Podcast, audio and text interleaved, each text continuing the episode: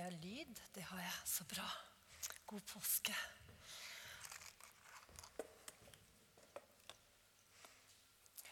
Vi er eh, inne i påskeuken, som blir kalt også Den stille uke. Og det er så torsdag, og drama rundt Jesus det begynner å stramme seg til. Palmesøndag er over da Jesus ridde inn i Jerusalem, sånn som det var profetert om i Zakaria 9,9. Se, din konge kommer til deg, ridende, rettferdig og rik på seier. Fattig er han, rir på et esel, en eselfole. Annerledes kongen Jesus, han rir inn, ikke på sin høye hest og kommer med makt, men han kommer på en eselfole som var symbolet på ydmykhet. Allikevel så tenkte nok mange, også disiplene, at det var han som nå skulle velte Romerriket og befri dem fra deres undertrykkelse. Men Jesus han var kommet for å seire over en større fiende enn romerne. Han skulle seire over den onde. Han skulle ta et oppgjør med denne verdens fyrste djevelen og kaste han ut. Han skulle gjøre noe med rotårsaken. Det var ikke romerne som var det største problemet. Problemet det hadde ligget og ulmet der helt fra den dagen i Edens hage da Eva og Adam vendte Gud ryggen og lyttet og lot seg lokke av slangen og var ulydige mot det Gud hadde sagt, og vendte seg bort fra sin elskede skaper og Gud til å bli Gud i eget liv. Det var da det skjedde en adskillelse. Ordet synd det betegner vår adskillelse fra Gud. Men det fører også til adskillelse fra hverandre og fra oss sjøl. Vi lever ikke lenger i den harmonien og kjærligheten og fellesskapet som vi var skapt til å leve i. Vi bommer på målet og velger såkalte juksepakker for å ordne opp i problemene. Og Derfor så gjentar historien seg og ondskapen. Jesus visste at det vi trengte, det var en frelser. Som kunne ta tak i roten til synd, til adskillelsen, som lå i vårt eget svikfulle hjerte. Og så kom han for å gi oss et nytt hjerte, en ny ånd og et nytt liv.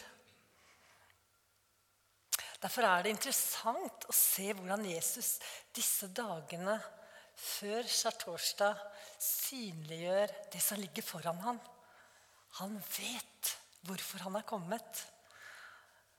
Så når han mandag i denne påskeuken går opp til tempelet og avslører hykleriet i tempelet, så har også det en større hensikt. Tempelet skulle jo være et sted der folket skulle ære, møte og tilbe Gud. Men det var blitt gitt plass til så mye annet enn det som var meningen. Jesus han har regien, og han er vred på det falske spillet. Han velter bordene og renser tempelet. Han avslører undertrykkelsen av de fattige og korrupsjon. Nå skal tempelet være og bli det det var tenkt til å være en bolig for Gud. En bolig for den guden som elsker og gjenoppretter, og som vil være far for alle sine barn. Der ingen undertrykkes, og der alle er like mye verdsatt. Men det, med dette så peker Jesus også framover mot et nytt tempel. En ny tid, en ny pakt. Der du og jeg skal få være det tempelet hvor han skal bo. Og når vi tar imot det han har gjort for oss i påsken, så renser han våre hjerter, vårt tempel.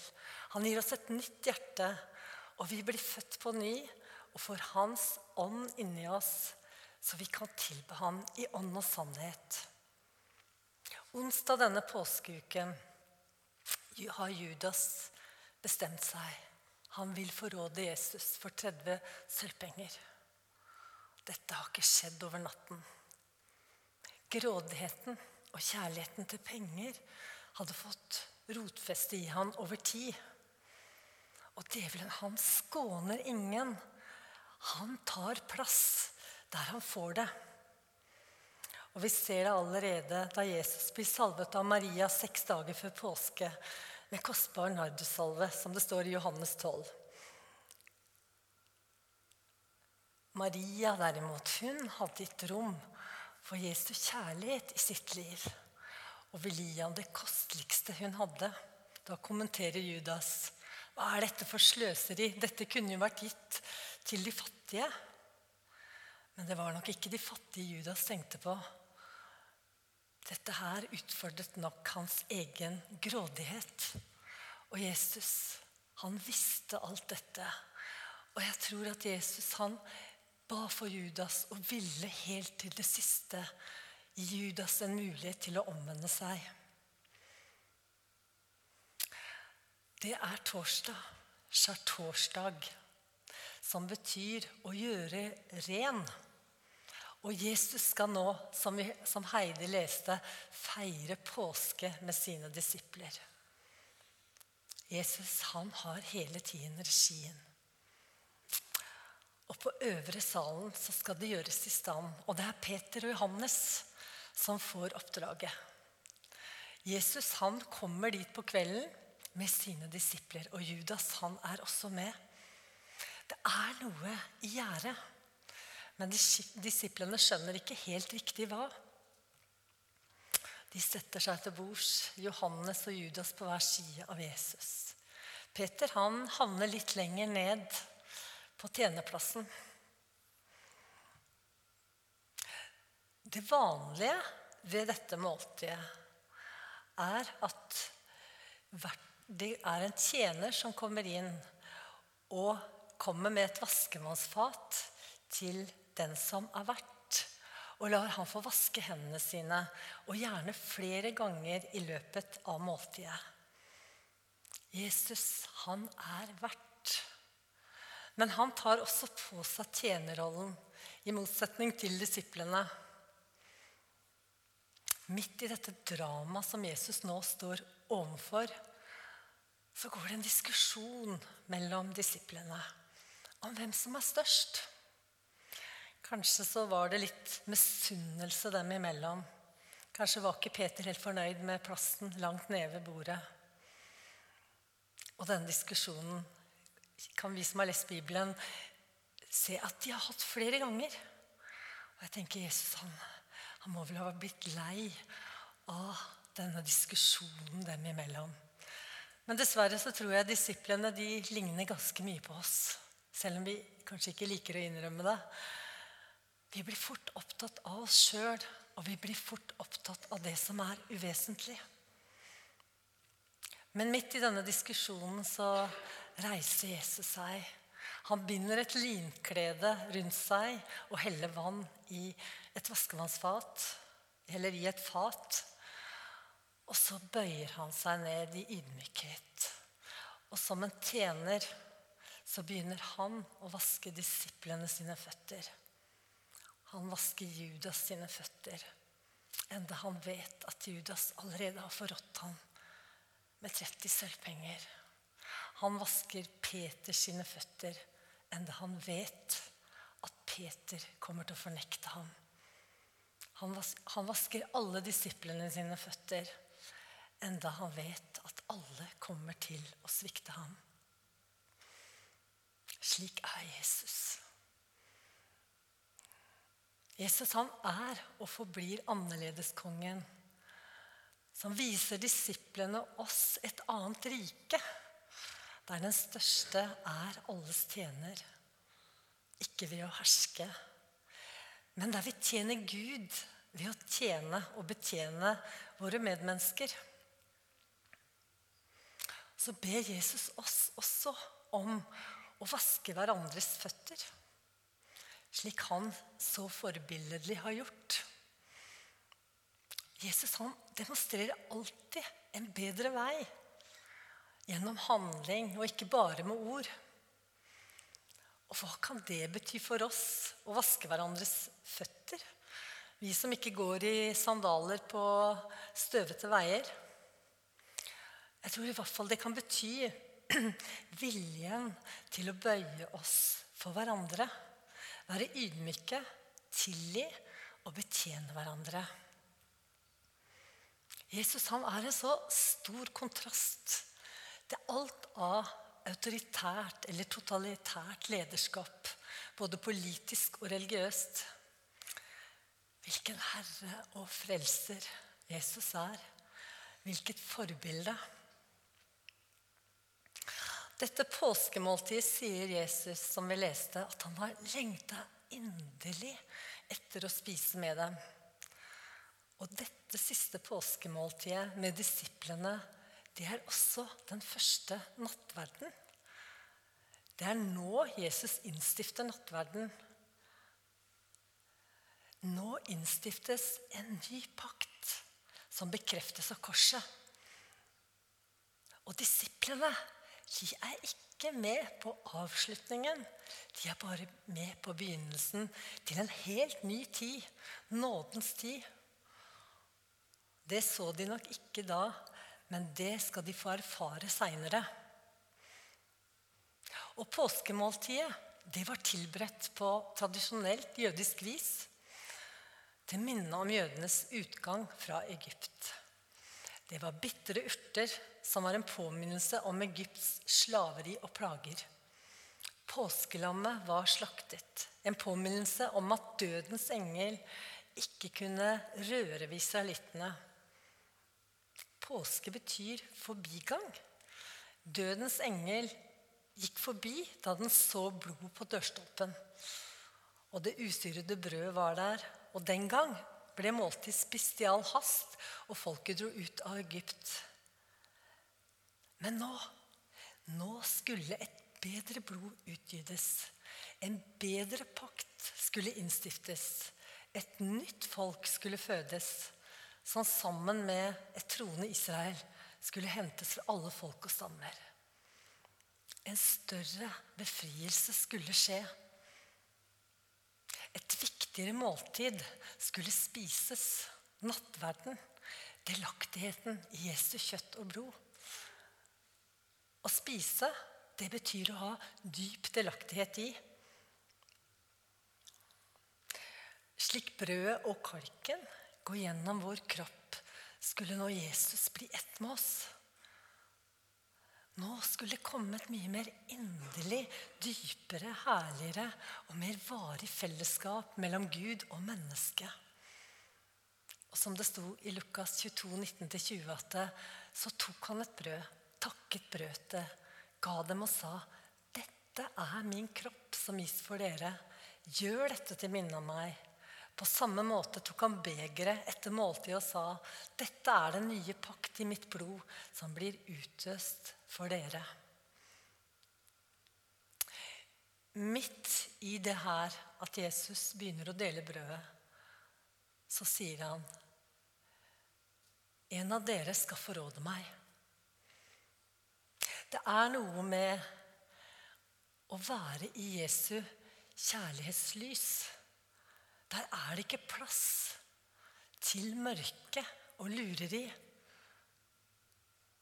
Men det finnes heller ikke et bedre sted å bekjenne sitt eget mørke og sin egen synd.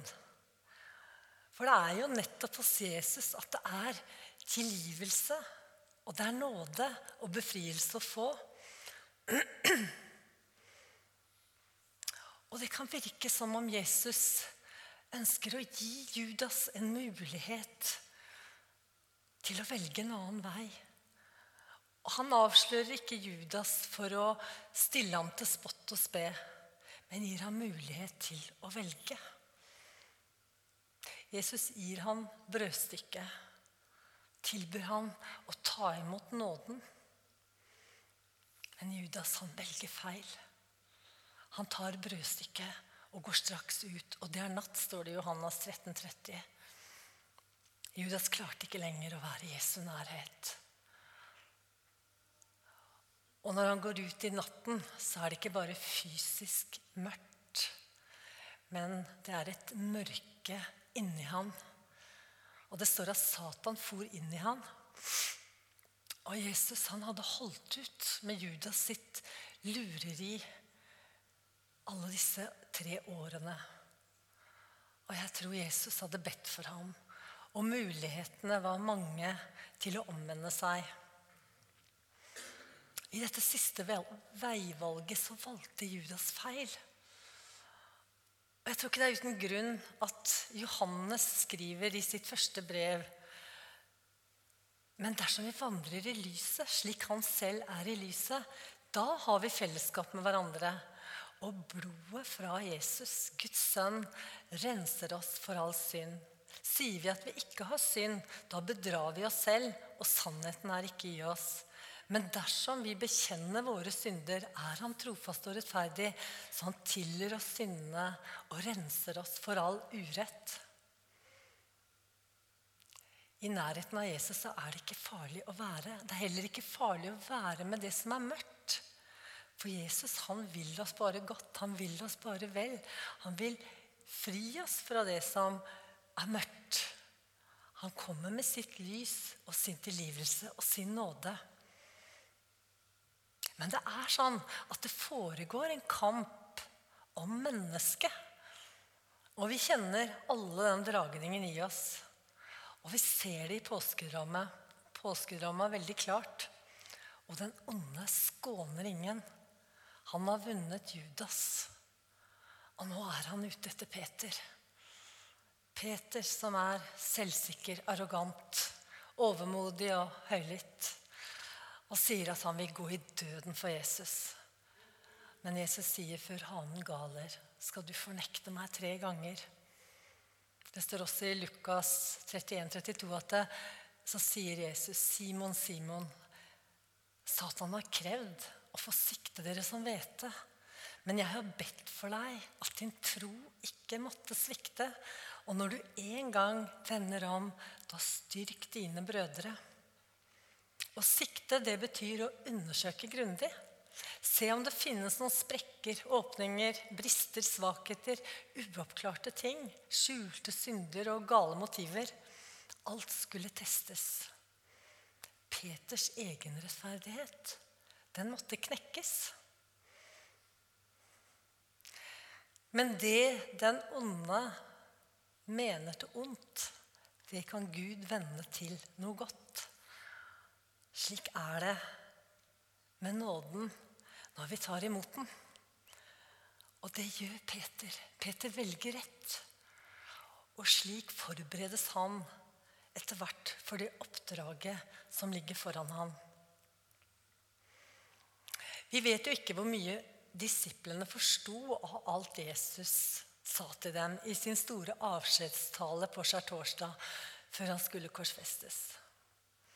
Johannes er den eneste som har skrevet det ned og har husket på det. Og det er fantastisk å lese Johannes 13, 14, 15, 16 og 17. Dette er det Jesus deler med sine disipler når han etter påskemåltidet går mot Oljeberget, gjennom Kedrondalen og ned til, på vei ned til Getsemane. Jeg syns det er utrolig fascinerende å lese hva er det Jesus er opptatt med å formidle i den stund han vet at nå skal han snart gjennom det ingen av oss kan forstå, den lidelsen som skal legges på ham. Han som ikke visste av synd, skal bli gjort til synd. Han skal bli et slaktoffer, et soningsoffer for all verdens synd og ondskap. Og han var den eneste som kunne gjøre det.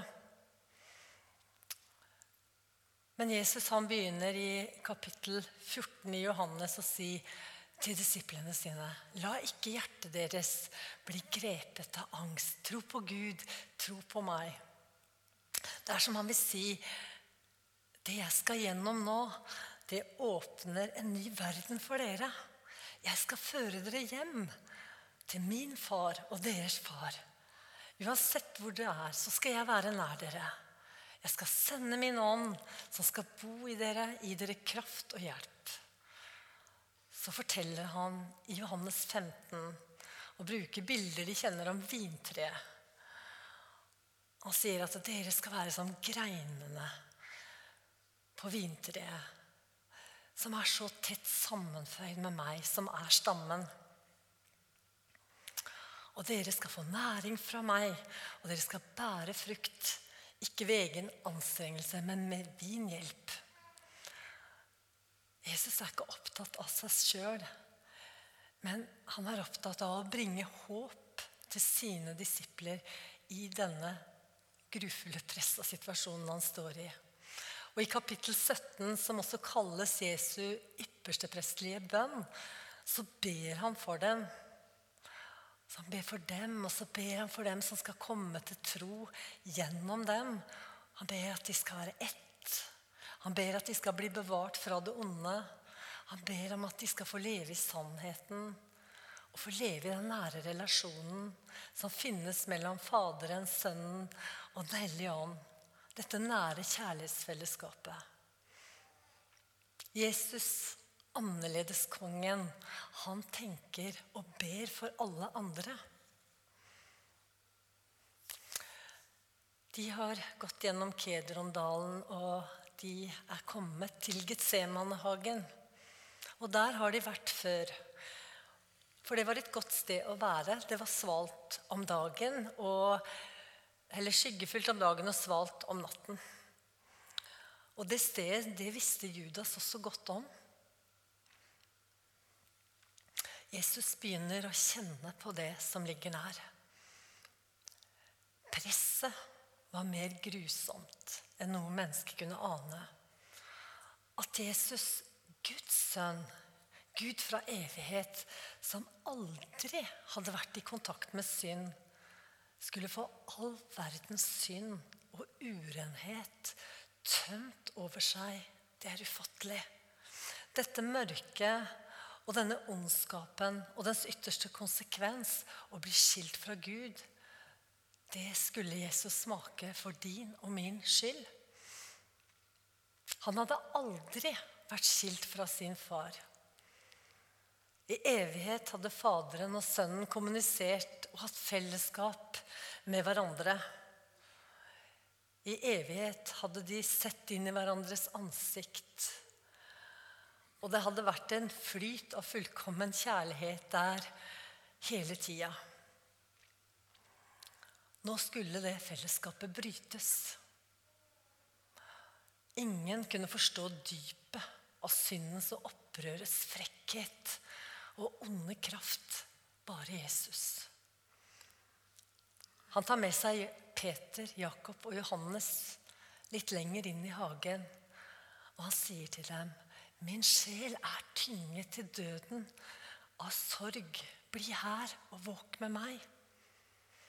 Og så går han selv litt lenger inn i hagen og kaster seg med ansiktet til jorden og ber. Min far, er det mulig, så la dette begeret gå meg forbi. Men ikke som jeg vil, men som du vil. I mellomtiden så finner han disiplene sovende. De klarte selv ikke i Jesu mest grusomme stund å våke og be med ham. Jesus kommer i dødsangst, og han ber enda mer inntrengende så inderlig at svetten faller som blod ned til jorda. Og allerede nå begynner blodet å utgytes. Og det skal fortsette seinere med slag, med pinsler og til slutt korsfestelse. Her i Getsemane gjaldt angsten selve valget han ville ikke, men han gjorde det likevel. Om det ikke fins noe annen vei, skje da ikke min vilje, men din far. Jesus var den eneste som kunne føre oss tilbake til Gud. Det fantes ingen annen vei. Valget var tatt, og han tok kalken. Dere, det handler om valg. Allerede der var slaget vunnet. Hvor ubeskrivelig resten av dette personsdramaet enn ble, så ble det vunnet da Jesus bestemte seg for å lyde til døden. Og det er nok ikke tilfeldig at dette egentlige slaget sto i en hage. Det var jo i hagen i Eden de første menneskene falt i ulydighet. Og det var her i Getsemane hagen Jesus vant slaget ved lydighet. Og kanskje kan vi uten sammenligning, sammenligning for øvrig kjenne noen paralleller til vårt eget liv.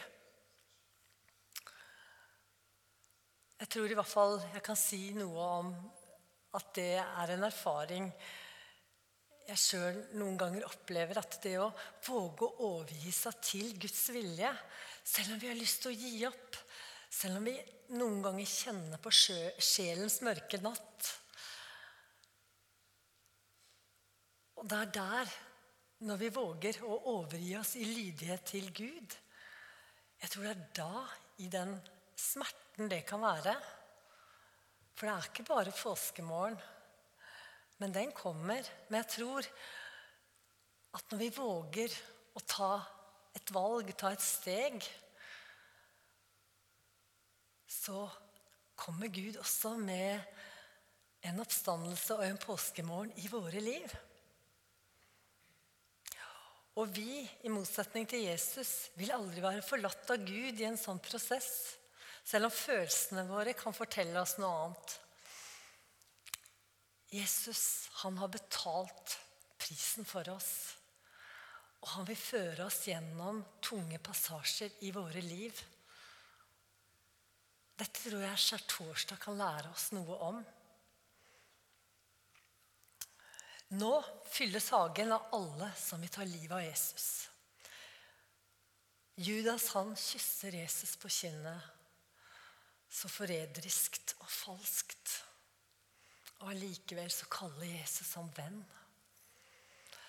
Da soldatene forsøker å arrestere Jesus, så faller de kraftløse til jorden når han sier 'Jeg er, det er meg'. Guds ånd var sterkt over Jesus. Nettopp i det øyeblikket kunne jo han påkalt tolv legioner av engler og bedt om hjelp. Men det var helt tydelig at han ikke måtte overmannes. Han gir sitt liv av egen fri vilje. Han velger Jesus velger det i lydighet til Gud. Og for en kort tid så skal mørket råde, og Jesus overgir seg til dette. Og han vet at det som egentlig skal skje, er at denne fyrste, verdens fyrste skal snart kastes ut. Det ser ikke Peter der og da. Så i et fortvila forsøk på å forsvare Jesus tar han et sverd og hogger øret av han som sto nærmest for å prøve å forsvare Jesus. Og Jesus han rydder da opp, nå som da, etter oss. Midt foran alle så rører Jesus ved øret til Malkus, som denne mannen het, og helbreder han. Midt i dette hatet og ondskapen så flyter Guds kjærlighet fram. Og et forvirra menneske får legedom for øret sitt. Det må ha gjort et uslettelig uttrykk på de som var der.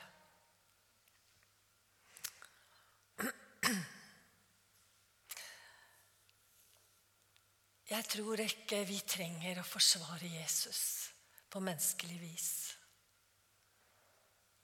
Men det jeg tror vi kan lære av det, er heller å være disipler som inviterer mennesker til møteplasser hvor de kan bli kjent med og få erfare hvem han er.